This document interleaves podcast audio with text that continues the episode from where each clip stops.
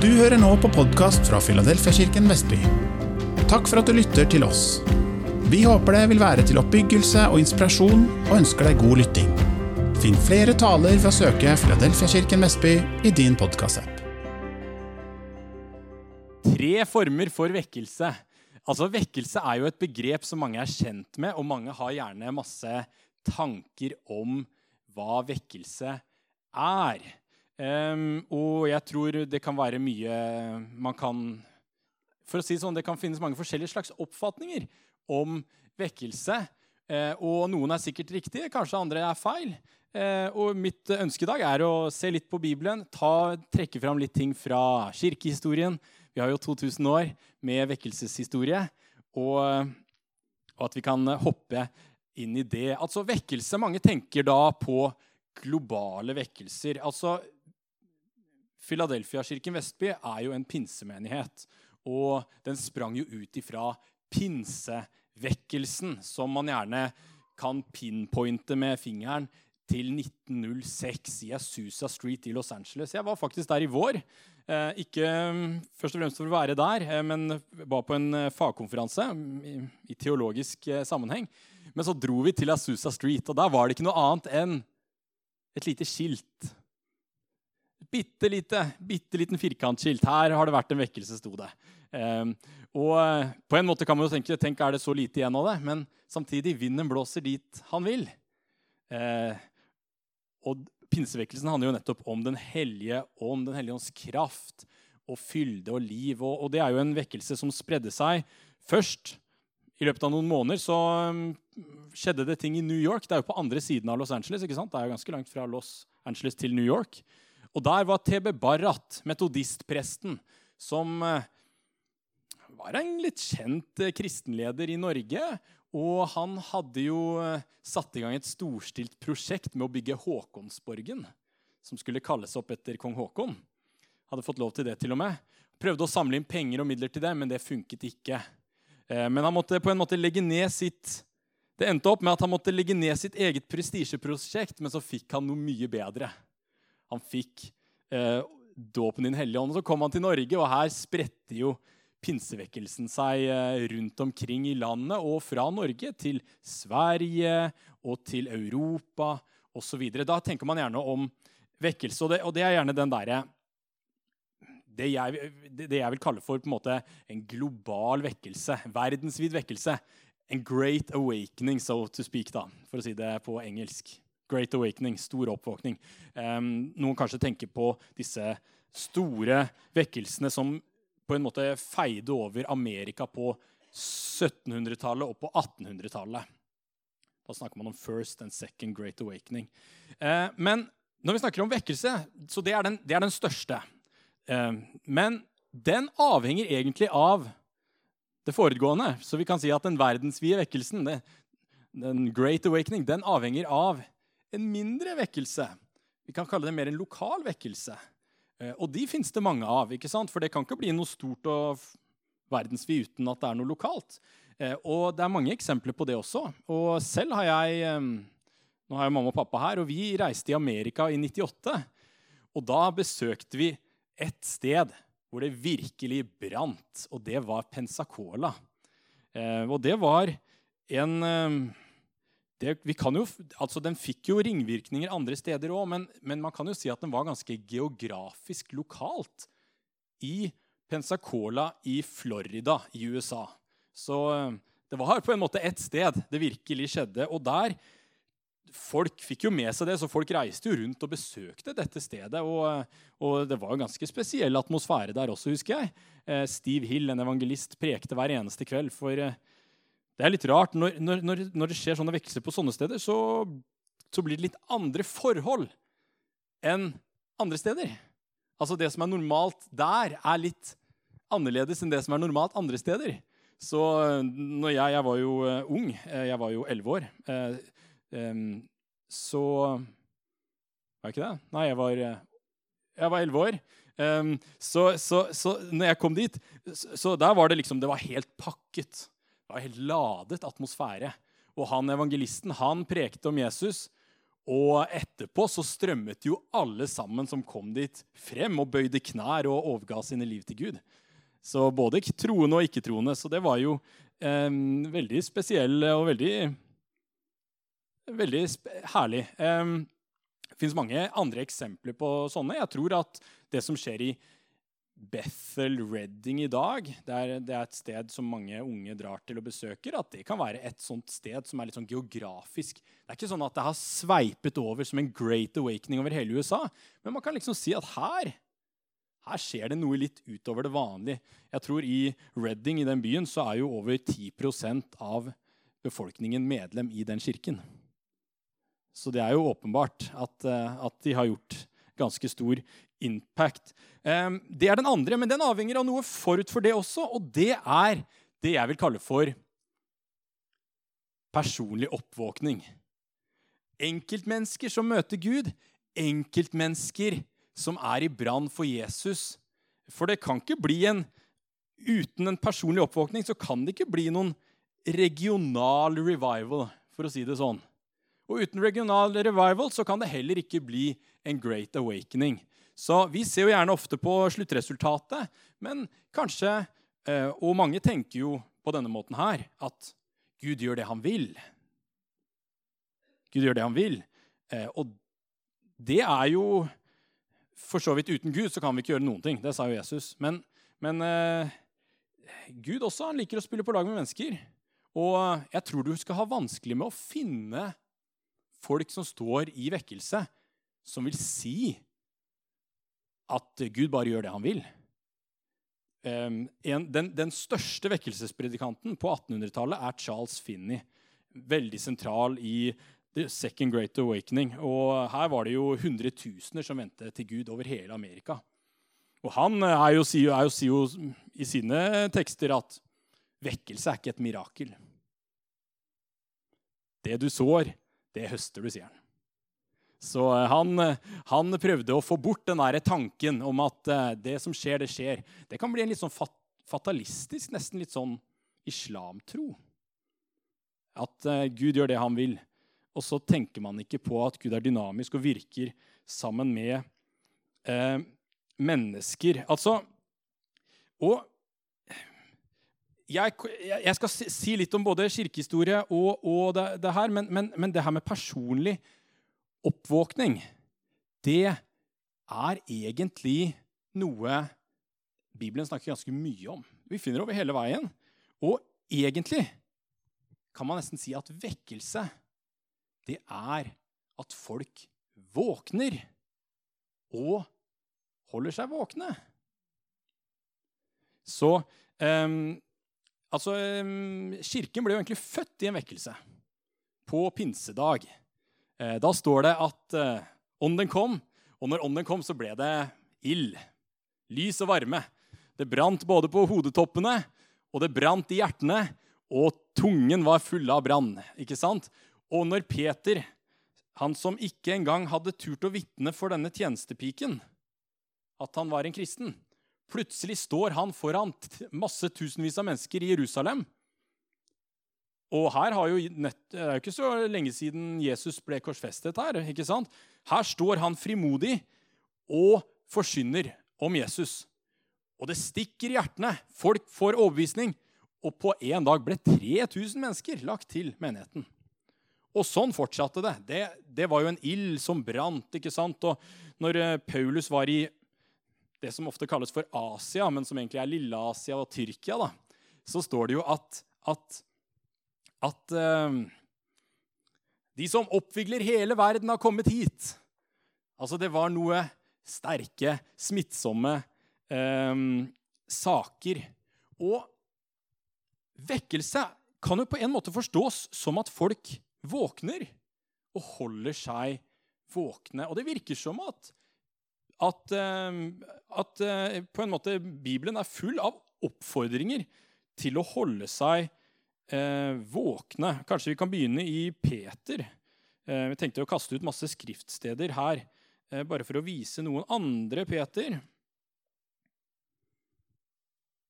Andre Peter. Ehm, så kapittel 3. Andre 2. Peter kapittel 3 fra vers 1 så skriver Peter.: Mine kjære, dette er det andre brevet jeg skriver til dere. Med disse brevene vil jeg vekke dere opp, så dere fortsatt kan ha et rent og oppriktig sinn. Jeg vil minne dere om det, det de hellige profetene har sagt, og om det budet deres egne apostler har fra Herren og Frelseren. Først og fremst må dere vite at i de siste dager skal folk komme som farer med spott og følger sine egne lyster. Han sier i de siste dager så kommer, her, um, kommer det mye rart. Derfor så vil jeg vekke dere opp til å ha et fortsatt rent sinn. Dette var Peter. La oss høre hva apostelen Paulus skriver i, i um, ja, Vi kan ta først romerbrevet her. Romerbrevet kapittel 13.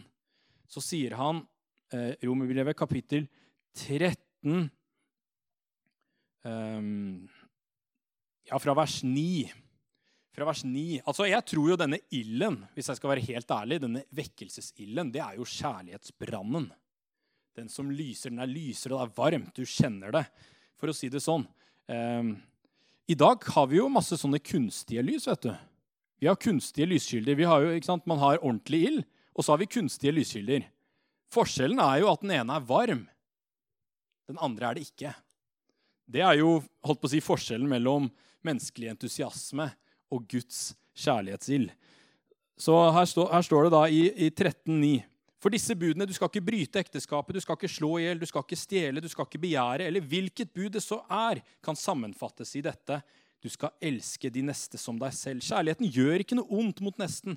Derfor er kjærligheten oppfyllelsen av loven. Dessuten vet dere hvilken tid det nå er. Timen er kommet da dere må våkne opp av søvnen, for frelsen er oss nærmere nå enn da vi kom til tro.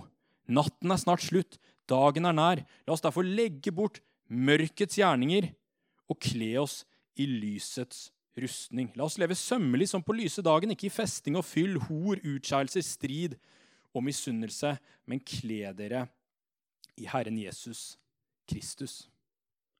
Um, her ser man jo at, at, Paulus også er opptatt av at vi vet at timen er eh, liksom nær, og frelsen er oss nærmere enn da vi kom til tro.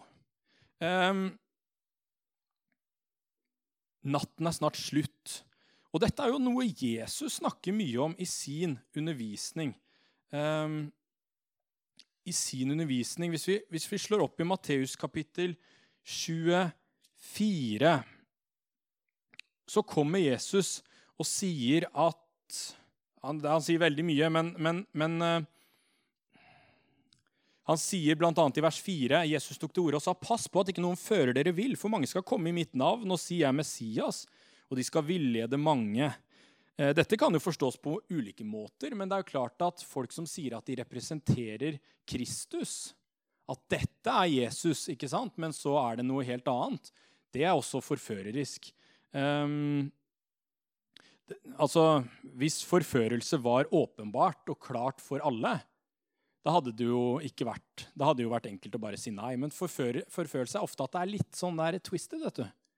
Litt på siden. Litt annerledes. Og så sier han um, dere, det skal villede mange. Dere skal høre om krig. Det skal gå rykter om krig. Det er jo det vi ser i dag også. Um, se da til at dere ikke lar dere skremme, for dette må skje, men ennå er ikke enden kommet. Folk skal reise seg mot folk, rike mot rike, og det skal være hungersnød og jordskjelv mange steder. Men alt dette er bare begynnelsen på fødselsriene. Altså, En måte å tenke på uh, om endetid er jo at liksom det er som en fødsel. Først begynner det med litt sånn murring i magen, og det skjer litt sånne smårier, men så blir det bare kraftigere og kraftigere ikke sant, med disse vredeskålene eh, som man leser om i Johannes' åpenbaring. Um, og vi er jo i hvert fall sen, vi er jo, En ting man må kunne si at vi er jo i hvert fall nærmere Jesu gjenkomst enn noen gang. Så om ikke vi er helt på slutten av endetiden, så kan vi, kan vi kanskje tenke at vi er litt der ved fødselsriene, kanskje. Det står, Han sier litt videre, snakker han om forfølgelse og sier at fordi lovløsheten tar overhånd, skal kjærligheten bli kald hos de fleste. En som er lovløs, han har ikke Guds kjærlighet i seg. Det er 1. Johannes brev veldig klar på. Um, men den som holder ut til enden, skal bli frelst. Så kommer han, Jesus, i 2442. Så våg, da! Merk dere det. Hold dere våkne. Våk, da! Mattes Matteus 24, 42. For dere vet ikke hvilken dag deres herre kommer, men det skal dere vite. Dersom husherren visste når på natten tyven kom, ville han våke og ikke la han bryte seg inn i huset. Derfor må også dere være forberedt, for menneskesønnen kommer i den time dere ikke venter det. Hvem er den tro og kloke tjeneren som Herren har satt over de andre tjenerne for å gi dem mat? Lykkelig er den tjeneren som Herren finner i arbeid med dette når han kommer tilbake. Og så fortsetter jo Jesus og forteller denne lignelsen om disse ti brudepikene. Den har dere kanskje hørt det. Det sier han i, i, fra kapittel 25. Han snakker om himmelriket kan sammenlignes med ti brudepiker som tok oljelampene sine og gikk for å møte brudgommen. Vi vet at Jesus er brudgommen. Fem av dem var uforstandige, og fem var kloke. De uforstandige tok med seg lampene sine, men ikke olje. Men de kloke tok med seg kanner med olje sammen med lampene. Da det trakk ut før brudgommen kom, ble de alle trette og sovnet. Olje er jo ofte et symbol på Den hellige ånd. Vi, har, vi er salvet med Den hellige ånd. Eh, men her ser man at noen hadde lampe. De hadde en ytre form av gudsfrykt. Men de hadde ikke olje. De hadde ikke lys, de hadde ikke livet, de hadde ikke ånden. Men så står det at da det trakk ut, ble de alle trette og sovnet. Alle sovnet, også de med olje. Og, og Det er derfor jeg sier at vekkelse kan forstås som personlig oppvåkning. Fordi også troende kan sovne. Også troende kan sovne. Og eh, for ett år siden, i eh, forbindelse med 250-årsjubileet for Hans Nilsen Hauges fødsel, så skrev eh, Tormod Engelsviken, en, en, karismatisk luthersk professor, om vekkelse. Han skrev ulike kjennetegn ved vekkelse. Og han sa vekkelse begynner alltid med troende. Det er alltid troende som våkner opp. Um, og Det er jo det som trengs her når Jesus snakker om endetiden her, fordi alle plutselig begynner å sovne. Men så skjer det noe. Ved midnatt, står det i vers 26, lød et rop. Brudgommen kommer! Gå og møt ham! Og det er det kanskje noen her, du, jeg, som også trenger å høre dette åndens rop. Brudgommen kommer! Gå og møt ham! Det er et vekkerrop. Og da skjer det ting. Når dette her er, For å si det sånn, når vekkelsen starter, hva skjer da? Da våknet alle brudepikene og gjorde lampene i stand. Men de uforstandige sa til de kloke, gi litt av oljen deres, for lampene våre slukner. Men da sa de nei, det blir, det blir ikke nok til oss og dere. Gå heller til kjøpmannen og kjøp selv. Og mens de var borte for å kjøpe, kom brudgommen, og de som var forberedt, gikk sammen med ham inn til bryllupet. Og døren ble stengt. Senere kom også de andre og sa, Herre, lukk opp for oss. Men han svarte, Jeg kjenner dere ikke. Så sier Jesus, Så våg, da, for dere kjenner ikke dagen eller timen. Eh, Problemet med å sove er at man ikke helt vet hva som skjer. Eh, den som, den som er våken, vet jo at han er våken. Du vet jo at du er våken nå. Det er du fullstendig klar over. Men når du sover, da er du ikke helt oppmerksom på hva som skjer. Da er sinnet formørket. Da, alle har vel hatt en drøm der de hatt de trodde det var ekte, men de, de var i, i, i, ørska, for å si det sånn. Jeg husker en gang eh, da jeg var i militæret. Jeg har egentlig tenkt å fortelle to historier om det. Da eh, bodde jeg på eh, Jeg var vakt ved Forsvarets sikkerhetstjeneste i Oslo. Som vaktsoldat. Og grønn soldat. Og, og, og så eh, og fordi vi var i Oslo, så så vi på Perminalen hotell. Det var et sånt enkelt hotell i Oslo. Eh, og en kveld jeg hadde lagt meg der og sov, så våkner jeg så bare Det ringer. Ring! Ring! Hva er dette her for noe? Ring, ring! Og så Hvorfor ringer det her, da? Er det altså, Det var brannalarme, vet du. Og jeg, jeg, jeg, jeg, hadde nettopp sovna, så jeg var virkelig inne i en søvn. Så hva skjer her? Jeg gikk ut, og Å, må jeg gå ut, da? Så gikk jeg ut i gangen, og så prøvde jeg å få få den der heisen til å fungere. vet du. Men heisen fungerer vel ikke når eh, brannalarmen går, så jeg bare sto der, jeg. Midt i bygningen. eh, helt til eh, brannalarmen tok slutt. Kom, da kom jeg til meg selv. Oi, det var brannalarmen. Jeg burde bare ha gått ned trappen. Men det fikk jeg ikke med meg eh, mens, mens, mens, jeg gikk, gikk der. Eh, altså, Tidligere, eh, altså Det har vært masse oppfatninger om vekkelse, og kanskje noen av de har du hørt også. Noen tenker at vekkelse skjer bare veldig kort på ett sted.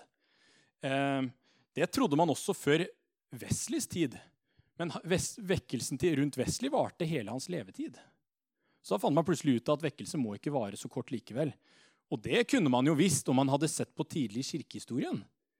For egentlig kan man si at vekkelsen som startet i Jerusalem, det var en kontinuerlig vekkelse som varte i ca. 300 år. Til det politiske landskapet endret seg, og, og alle måtte være kristne. Og plutselig, ikke bare måtte alle være kristne, plutselig måtte Hvis du ville ha en god jobb, måtte du være kristen. Og da da ble mange kristne ledere også korrupt. Så ender man opp med å ha kristne ledere som ikke walk the talk, for å si det på engelsk. Eh, noen tror jo at vekkelse avhenger av forfølgelse.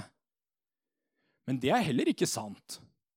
Eh, den som sier det, overser at alle har egentlig en forpliktelse til å våkne opp. Um, har et Hør hva Paulus skriver. Han har en virkelig kraftsalve her i 1. Korinterbrev, kapittel 15. Der sier han La dere ikke føre vill. Dårlig selskap ødelegger gode vaner. Og så kommer det. Her, her bare bobler det over. Her får han en liten sånn her. Våkn opp av rusen for alvor, og synd ikke. Noen av dere kjenner ikke Gud. Det er en skam for dere at jeg må si det. Hører du det? Det er en kraftig ut. Våkn opp av rusen for avhold og synd ikke. Noen av dere kjenner ikke Gud. Det er en skam for dere. Jeg må si det. Uh, og det, her, det han sier her, er jo litt av det jeg tror opp, personlig oppvåkning handler om. Nemlig at man ved Jesu kors legger av seg disse skitne klærne og blir ikledd fine, hvite klær. Og det er det som jeg, og det er også egentlig mange tror kommer til å skje i endetiden. ikke sant? Mens mørket blir der mørkere, og folk er litt sløve. Plutselig kommer åndens stemme. Våkne opp! Brudgommen kommer! Gå og møte! Og så er det noen som gjør seg klar. Og de lyser. Hva da?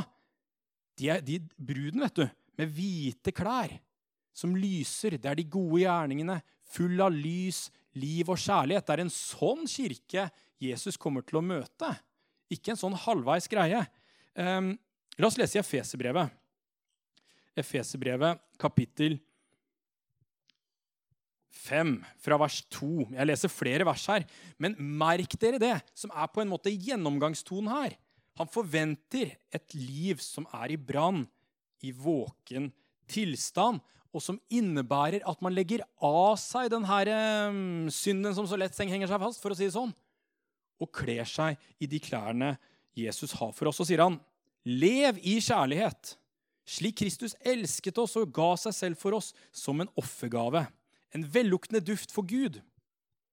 Hor, all slags urenhet og grådighet må det ikke engang være tale om hos dere. Slikt sømmer seg ikke for hellige. Rå ord, tåpelig tale og grovt snakk er også upassende.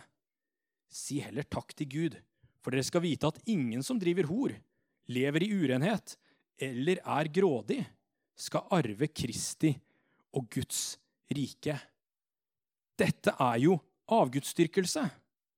La ingen narre dere med tomme ord, for slikt gjør at Guds vrede rammer de ulydige. Gjør ikke felles sak med dem. Det er ganske rett på sak her, er det ikke det? Lev i kjærlighet, slik som Kristus. Alt det andre her må du bare legge av. Um, La ingen narre dere med tomme ord. Um, altså Vi kan høre mye rart, vi kan bli forført med mye, men, men, men, men Guds ord, det er noe som fornyer vårt sinn. Og jeg tror og Nå kaster jeg ut en påstand her, men jeg tror at folk som sjelden eller aldri leser i Bibelen, ganske så sikkert har noen fikse ideer og har kjøpt noen tomme ord som ikke er sanne. Eh, men eh, man klarer ikke å høre det eh, uten å teste det på standarden. Det er litt sånn som Jeg spiller jo gitar, men jeg er ikke veldig flink på å høre om, om på en måte den, Er det en ren A, eller er den litt sånn Hvis hele gitaren har stemt seg litt sånn alle strengene har stemt seg litt annerledes, så hører ikke jeg at, dette er en, at her har det skjedd noe med gitaren. Det trengs en, en stemmer til. Jeg har den på mobilen for å stemme gitaren. Og sånn er det også med tanker og ideer vi hører. Altså, I våre dager, så Hvis du er på Facebook, så får du jo alltid sånn folk har noen quotes her og der. Er det bibelsk? Er det sanne? Masse er jo uh, Ja Men hvem skal, hvem skal klare å bedømme det? Det er jo den som har kjennskap til ordet la det prøve dine tanker. Men så kommer det. En gang var dere selv mørke, men nå i Herren er dere lys. Lev da som lysets barn. Lysets frukt er all godhet, rettferd og sannhet. Prøv hva som er til glede for Herren. Ta ikke del i mørkets gjerninger, for de bærer ingen frukt. Avslør dem heller. Det som slike folk driver med i det skjulte, er det en skam bare å nevne. Men alt kommer for dagen når det blir avslørt av lyset og alt som kommer for dagen, er lys. Derfor heter det, våkn opp, du som stover. Stå opp fra de døde, og Kristus skal lyse for deg. Egentlig er det vår plikt å være våkne. Um, men det så altså det, det, var nok lettere å se i urkirken når det pågikk kontinuerlig vekkelse i 300 år. Å se at den der livsførselen der er uforenlig med Kristusetterfølgelse. Ikke sant? Da, men, men, men, hvis, eh, men, det som ofte skjer da, når disse store vekkelsene skjer, det er gjerne at, at det er en tid med forfall og frafall. Og det som er normalt, er ikke normalt. Skjønner du? Det som er normalt, er ikke bibelnormalen. Men hvis alle lever annerledes, da er det jo ikke så da tenker en jo at det er normalt. Og da kommer alle disse tomme ideene og alle disse teologiske unnskyldningene som eh, vi kan finne på. At det er greit å stå på møte med løftede hender og ha synd i bagasjerommet. Men eh, la ingen narre deg. Alt som kommer for dagen, blir avslørt av lyset, og alt som kommer for dagen, er lys. Derfor heter det 'Våkn opp, du som står stå opp fra de døde, og Kristus skal lyse for deg'. På gresk å våkne, eller å vekkes opp fra de døde, fra enten søvn eller død, det er egeiro. Og det er det samme ordet som handler om å våke. Gregoreo. Man kan tenke på gregoriansk musikk. OK. Det begynte med vekkelse på pinsedag, og man kan si at det nesten var en kontinuerlig 300 års vekkelse frem til Um, kristendommen ble statsreligion i Romerriket. Um, da skjedde ting. Og det en kirkehistoriker som, kalles, eh, som heter Oskar Skarshaugen, han vil også si det. Et eller annet skjedde da. Eh, og ut, nå, det kan bli litt misvisende å si, men mange snakker om den mørke middelalderen. ikke sant? Du har sikkert hørt det, at nesten det ble en litt sånn mørke i tusen år. Eh, og til dels så er det noe i det, fordi det var på denne tiden disse klosterbevegelsene oppsto. Og klosterbevegelsene, hva var det? Jo, det var jo egentlig folk som ikke likte seg i denne en fot i verden eh, på en måte, og en fot med troen, og at det ble sånn halvveis. Og mange av de dro ut i ørkenen og startet disse klosterbevegelsene. Det var jo på en måte et forsøk på å holde seg ren og hellig. Nå sier jeg ikke at det nødvendigvis er optimalt, at man skal trekke seg tilbake, men, men uh, man kan definitivt si at noe av livet i kirken var i klosterbevegelsene. Så kommer vi til reformasjonen. Og Martin Luther, og da er vi på 1500-tallet. Og den tidlige reformasjonen med Martin Luther var jo definitivt en vekkelsesbevegelse. Her skjedde det en endring.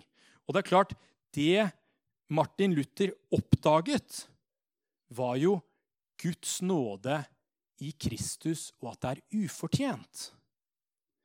For det er jo for så vidt eh, egentlig ekstremt viktig når det kommer til dette med oppvåkning, å legge av seg ting og ta kle på seg.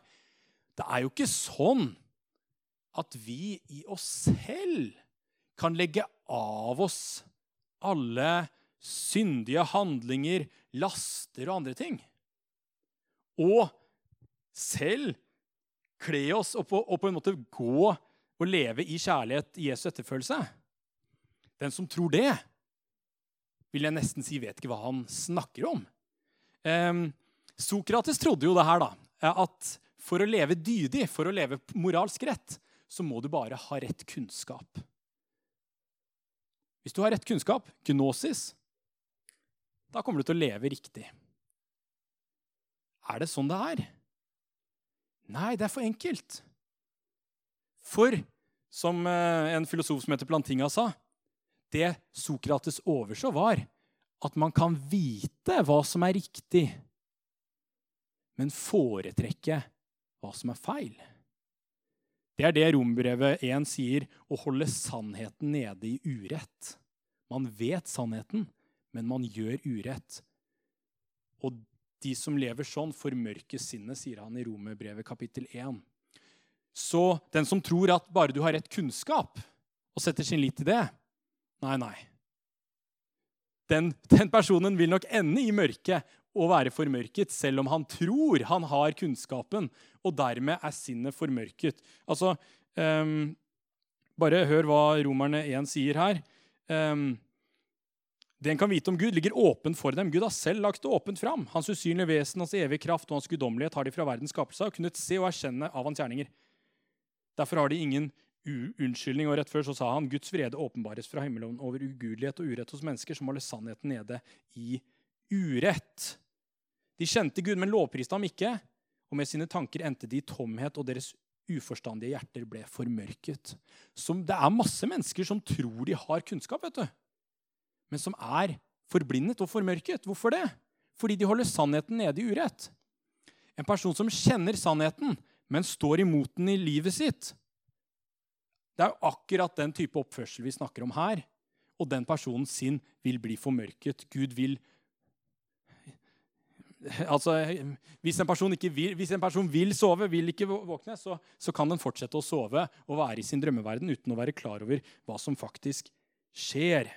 Um, den andre måten å tenke at man kan forbedre seg selv på, er jo Aristoteles-måten. Og det er øve.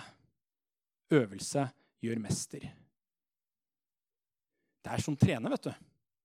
Du må bare trene. Men sånn er det ikke med kristenlivet. En person kan prøve 100 ganger, 1000 ganger, og likevel mislykkes på grunn av synden. Lø altså Diagnosen på menneskets grunnleggende problem Hvis du er syk og du har et problem, du har noen symptomer, alltid vondt i hodet, alltid vondt i ryggen um, så, og går til legen, så er det jo litt viktig å stille en presis diagnose før eh, man kan finne riktig medisin. Du, ikke, og problemet med mennesker er jo nettopp synden. Og synden, hva er det? Vel, det er jo for det første at man ikke gjør Guds bud, men det er jo på en måte noe som stikker ganske dypt. I, og som egentlig har infisert hele personligheten. Som er denne herre foretrekkede gale. Hvem skal fri meg fra meg selv? Og da kommer vi til Romerne 7. Jeg er ulykkelig menneske. Hvem skal fri meg fra denne dødens kropp? Så kommer det Gud være takk ved Jesus Kristus. Jesus Kristus er løsningen på syndeproblemet hos Jesus. Altså, hva er løsningen, er egentlig Hvem er løsningen? Det er Jesus. Jesus frelser. Og som det sto her, um, at hvordan det står skrevet Våkn opp, du som sover, stå opp fra de døde, og Kristus skal lyse for deg. Den som kommer til Kristus, kan bli vasket ren og få ikledd nydelige klær. Men den som tror han kan det her, og stoler på seg selv, det er jo hovmot, vet du. Det er ursynden. Det er ikke bedre enn det.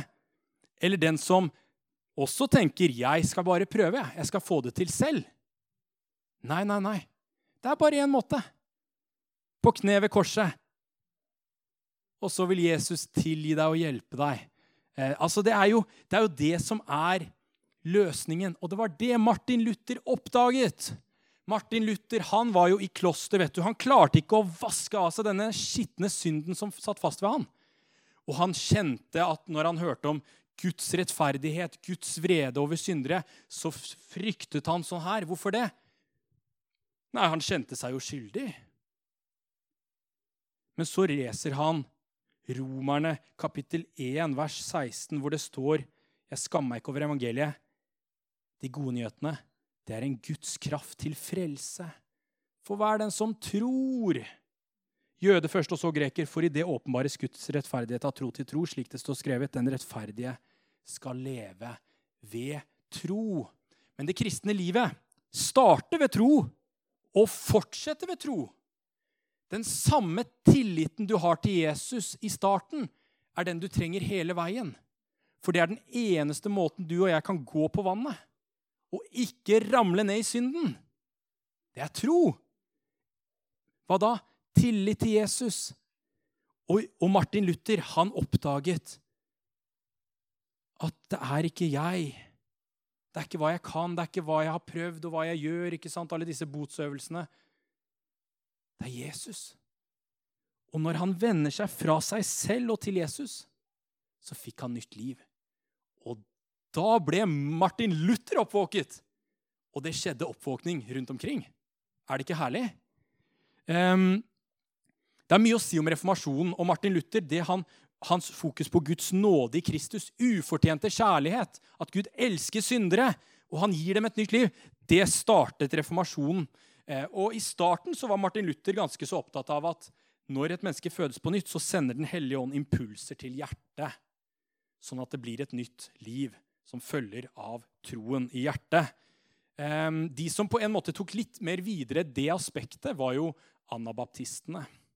Og den sene Luther var kanskje ikke vekkelseslutter på samme måte som den tidlige Luther, dessverre. Men anabaptistene, som kom rett etter Martin Luther, altså samtidig med han, og som dessverre holdt på å si, ble fordømt av Martin Luther, men, men de la jo nettopp vekt på et nytt liv i Kristus. Verden er lagt under vann, begravet med Kristus, oppreist.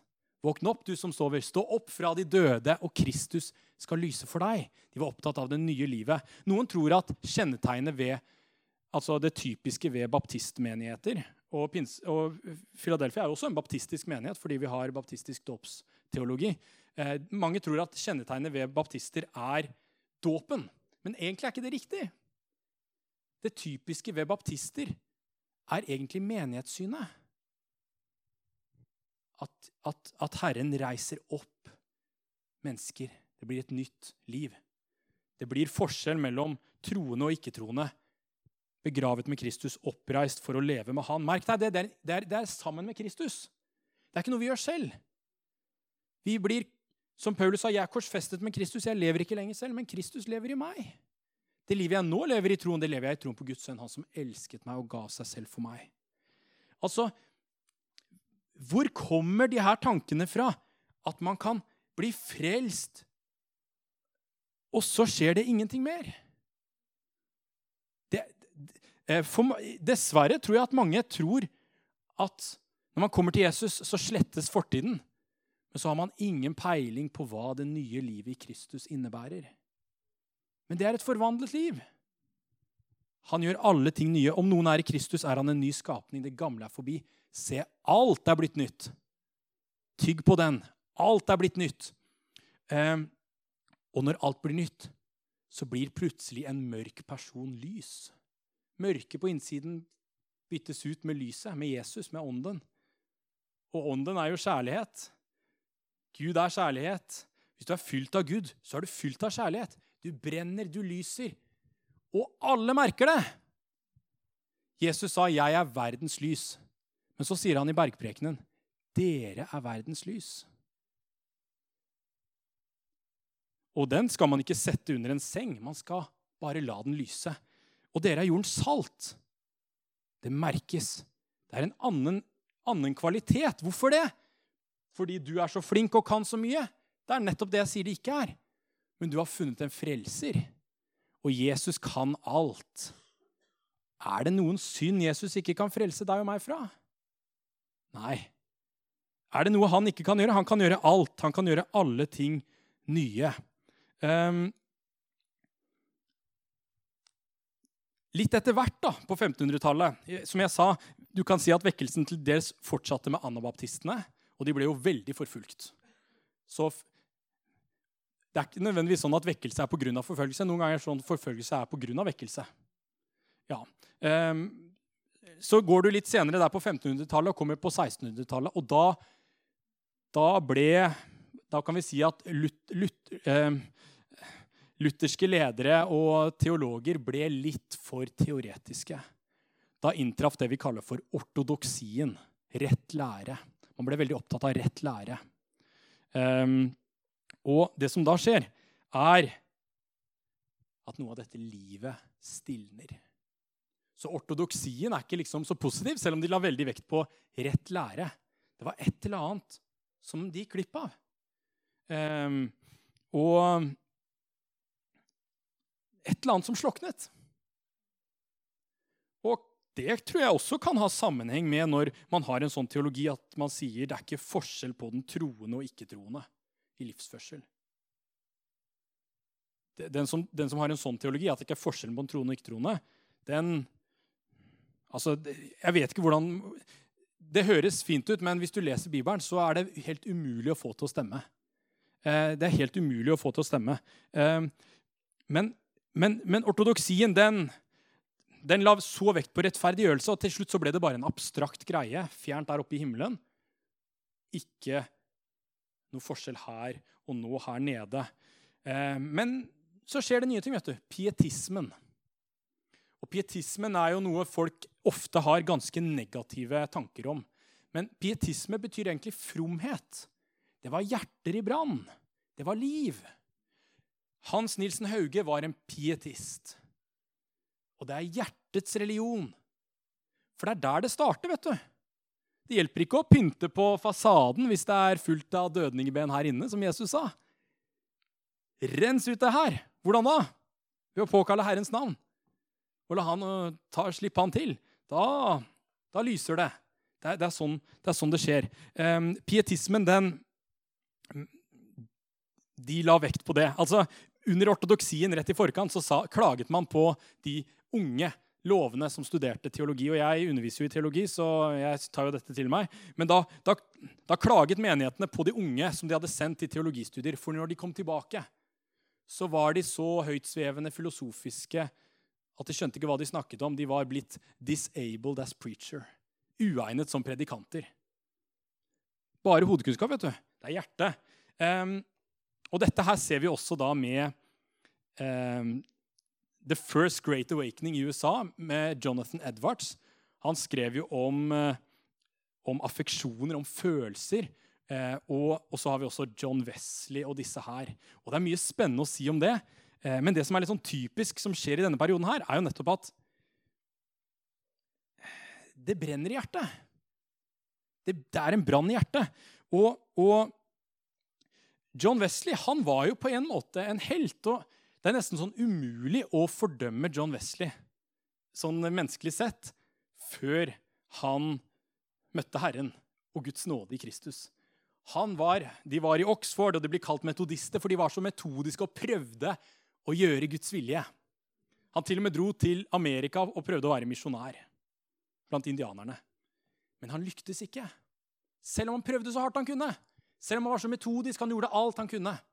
Så kommer han på et møte, kanskje sånn som dette her, og så er det noen som leser fra Luthers fortale eller innledning til romerbrevet. Og når John Wesley hører det, da innser han at det ikke er ved egne gjerninger, ved Guds nåde. Og han sa, 'Jeg trodde på Jesus'. Og da skjer det som overrasket han.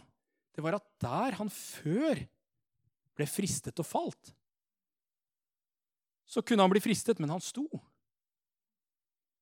ved Guds kraft. Ser dere? Verden under vann. Oppreist.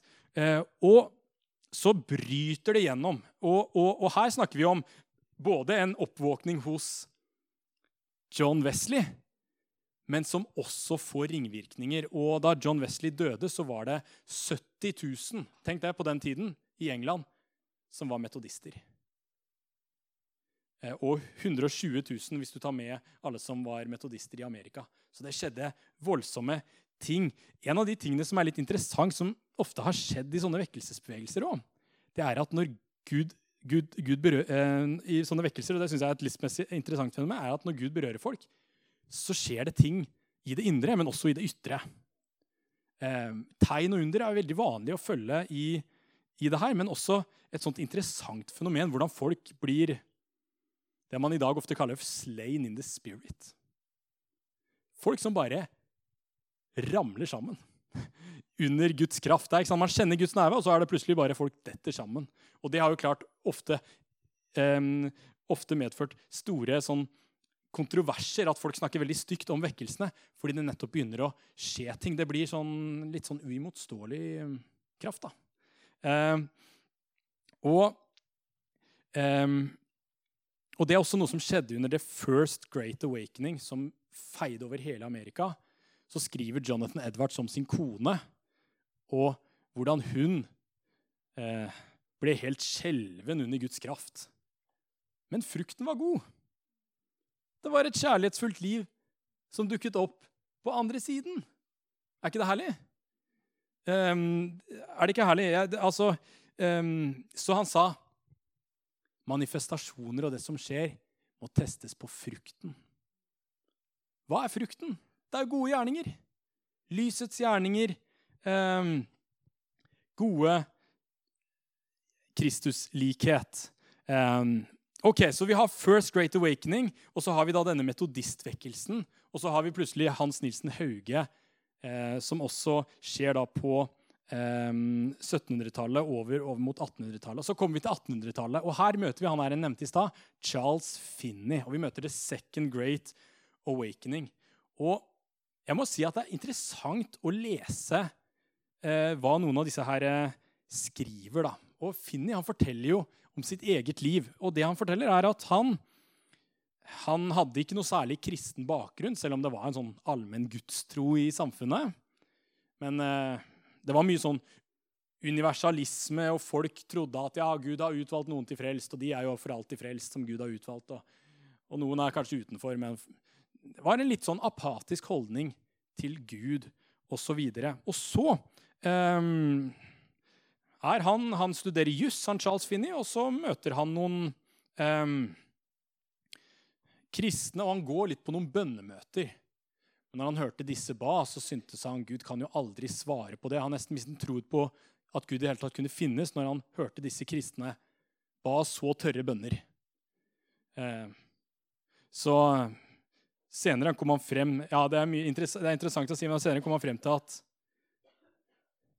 at eh, det er jo også noen betingelser når man ber.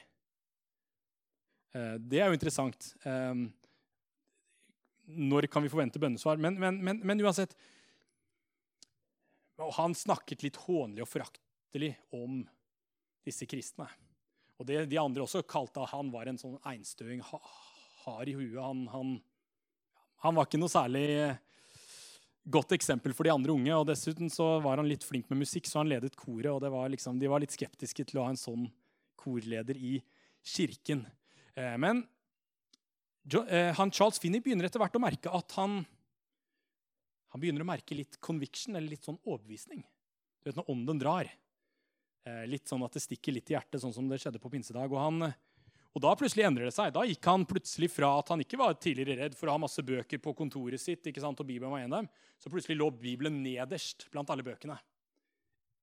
Han var redd for at folk skulle merke på han at han var under overbevisning. At uh, han kjente en dragning fra Gud, at Gud uh, var etter han. Så han, eh, han, var litt sånn urolig, og han sa til seg selv ja, jeg skal overgi meg til Gud. Så etter eh, gått en sånn periode så går han på jobb en dag, og så kjenner han jeg må, jeg må gi meg selv til Gud. Jeg må gi mitt liv til han. Um, um, og da går han litt avsides og tenker jeg skal nå gjøre, få min sak i orden med Gud og overgi meg til uh, Jesus. Men uh, han går ikke bare litt avsides, for han er jo litt redd for å bli oppdaget der i en bønn til Gud. Så han går så langt han kan inn i skogen. Og så finner han nesten en slags huleaktig sted, eller, eh, han, der han gjemmer seg bak. da. Og nå er han klar til å be og få sin sak i orden med Gud. Og da føler han ingenting. Hele det derre 'Herren er nær', som kaller, var borte. Han ba. Ingen effekt. Og så hører han en lyd. 'Er det noe her?' Nei, det var bare et eller annet, en fugl. et eller annet. Og da innser han Da plutselig fikk han et blikk på seg selv og sin stolthet. Han var ikke villig på noen som helst måte å vise andre at han ville bøye seg for Gud. Og da, da det, det, Den skylden han føler da, om at han er stolt Han, han, han er så opptatt av seg selv at han, da, da roper han til Gud så høyt han klarer. Og plutselig så er det akkurat som at ulike bibelvers kommer til han. Sånne bekreftende bibelvers, ikke sant? At, at uh, Sikkert litt sånn uh, alle som tok imot ham, ga han rett til å bli Guds barn. Den type bibelvers. Og så forsvinner liksom den derre skylden, den derre opplevelsen av skyld. Den forsvant. Først lurte han litt på er det sånn at Så gikk han ut etterpå og så lurte han, er det for seint. Er det derfor liksom conviction, overbevisning, er borte fra meg? Er det for sent? Har jeg liksom stått imot Gud så lenge? Men han kjente seg samtidig ganske godt. da. Um, og Så jobber han, og så tenkte han på kvelden kanskje jeg skal be. Og da er det akkurat som himmelen åpen. Da bare gråter han. Kjenner Gud er nær. Da, er, da plutselig var, var, det herlig. Og da skjer noe som uh, Dette var jo for så vidt litt ekstraordinært. Da skjer noe som han ikke trodde han hadde hørt om, og ikke forventet. Men så er det akkurat som at han blir døpt i Den hellige ånd. Og ikke bare sånn litt, men med sånn kraft, for det er nesten som elektrisitet. Han sier det. Det var som at liquid love bare fløyt gjennom han. Og det er jo sånne mm, ting man ser litt eh, Har kanskje f.eks. sett i Toronto og med Randy Clark og disse som er i dag. Altså, Han merker sånn at det strømmer gjennom han av uh, Guds kjærlighet.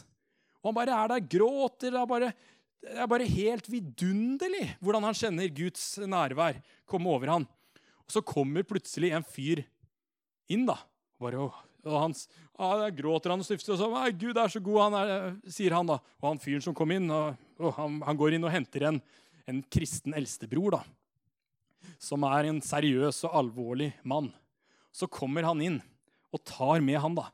Og, og når han ser eh, Finni, så bare bryter han ut i en ukontrollert latter. Han bare ler en voldsomt. Eh, og det som er litt artig, er at begge disse manifestasjonene om du vil, som skjer her, både med Finni og med han, er jo ting som ofte skjer i sånne der, der vi ser sånne der, eh, enten lokale eller større vekkelser. At folk Det skjer alt mulig rart. Folk som slås i bakken, folk som opplever en elektrisitetsgreie og, og, eh, og møter Gud. Eller disse latterbølgene. Da kan man tenke på Rodney Howard Brown, hvis du har hørt om han, som var viktig katalysator for Randy Clark og senere da Toronto-fornyelsen i 94. Som kanskje mange av dere har hørt om. Dette er, så dette, dette, skjedde allerede med Finni på 1800-tallet her, for å si det sånn. Um, og så kommer en av Finnis venner inn. Og han har, han har um, um, du kan si at Finni har øvd litt dårlig innflytelse på han, og, noen har advart han fyren da, mot å, med Finni. Men når han kommer inn der, så bare bøyer han knær og gir seg til Gud. Og Finni ble jo en sånn katalysator for vekkelse. Det er interessant at Et eller annet skjedde med Finni etter der. For plutselig går han rundt og prater med folk. 'Hvordan er din sak med Gud?' Så kommer folk i sånn Det banker i hjertet. Det var det samme som skjedde med Hans Nilsen Hauge. Rett etter han, eh, han var på jordet og ble møtt av Guds kraft, så pratet han med sine søsken, og de ga seg til Gud. Så eh, en slags oppvåkning som bare er veldig eh, smittsom. Samtidig på 1800-tallet så lengtet man etter mer. Man etter mer av Guds kraft, og også dette med tegn og under. Eh, og pinsevekkelsen kan i stor grad nesten ses på som et svar på den type bønner. Eh, pinsevekkelsen ble jo et svar på det. Eh, og så har det skjedd masse regionale vekkelser også etter pinsevekkelsen. Eh, jeg nevnte jo Pensacola, men mye annet kunne skjedd. Det har jo også vært vekkelser i Norge. Eh, uansett tre former for vekkelse. Den ene er den derre verdensvid vekkelse. Så er det den mer sånn regional revival. Og så er det den her med personlig oppvåkning. Og spørsmålet til oss, tenker jeg, til deg og til meg, er jo nettopp er du våken? Det er spørsmålet. Eh, må jeg være våken? Jeg tenker jo at, at, i vår tid så er det nesten vanskelig i det hele tatt å, å si det eller tenke det. Og forvente at folk er våkne.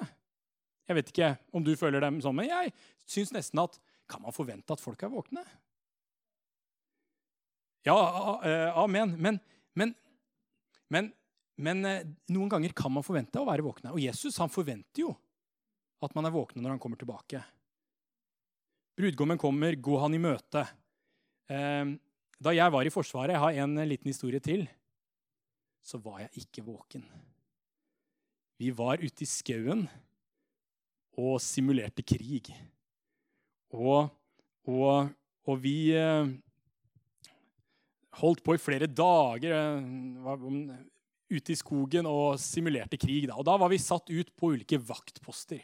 Så jeg lå der. Det var ganske kaldt sent på høsten. Litt snø var det der òg. Sammen med en annen. Og vi lå der midt i svarte natten. Og var bedt om å holde vakt. Og du er ganske trøtt midt på natten. Sånn to-tre-tiden på natten. Du er ganske trøtt. Og det er helt mørkt. Du ser ikke noe. Og det er litt kaldt, og det er litt sånn Og eh, for å være ærlig, så Man prøvde jo å holde seg våken litt, da. Men når det drøyde litt, så ble jeg så trøtt. Og jeg sa til han jeg, jeg, jeg virkelig er trøtt, ja. Ja, bare slapp litt av, tror jeg han sa til meg. Og jeg eh, kanskje hørte på min eh, kamerats eh, råd, vet du, så jeg, jeg, jeg slumret. Og det gjorde tydeligvis han også. For plutselig står det en sersjant rett ved oss. Hei, sover dere? Og øh, uh, Nei, nei altså På en måte vi skulle si en sånn greie. Venn, fi, fi, eller venn, eller fiende eller venn. vi skulle si, Men det var jo helt håpløst, dette. Men det var ikke bare å sove, vet du. Han rapporterte jo det opp, vet du. Så når vi kom tilbake fra øvelsen, så måtte vi stå der sporenstreks og få en reprimande. Fordi vi hadde sovnet. Og du og jeg, hvorfor skal vi være våkne? Vel, vi skal være klar. Vi skal gjøre den jobben vi er satt til. Men det er også farer ved å la, være å våkne. For den som sover, kan bli overmannet av fienden uten å være klar over det. Jeg kunne ha blitt, Hadde det vært ekte, kunne jeg ha blitt skutt, gått fra søvn til død på ett sekund. Uten å få det med meg. Så, så igjen det som står her i Efeserbrevet, kapittel eh, 5.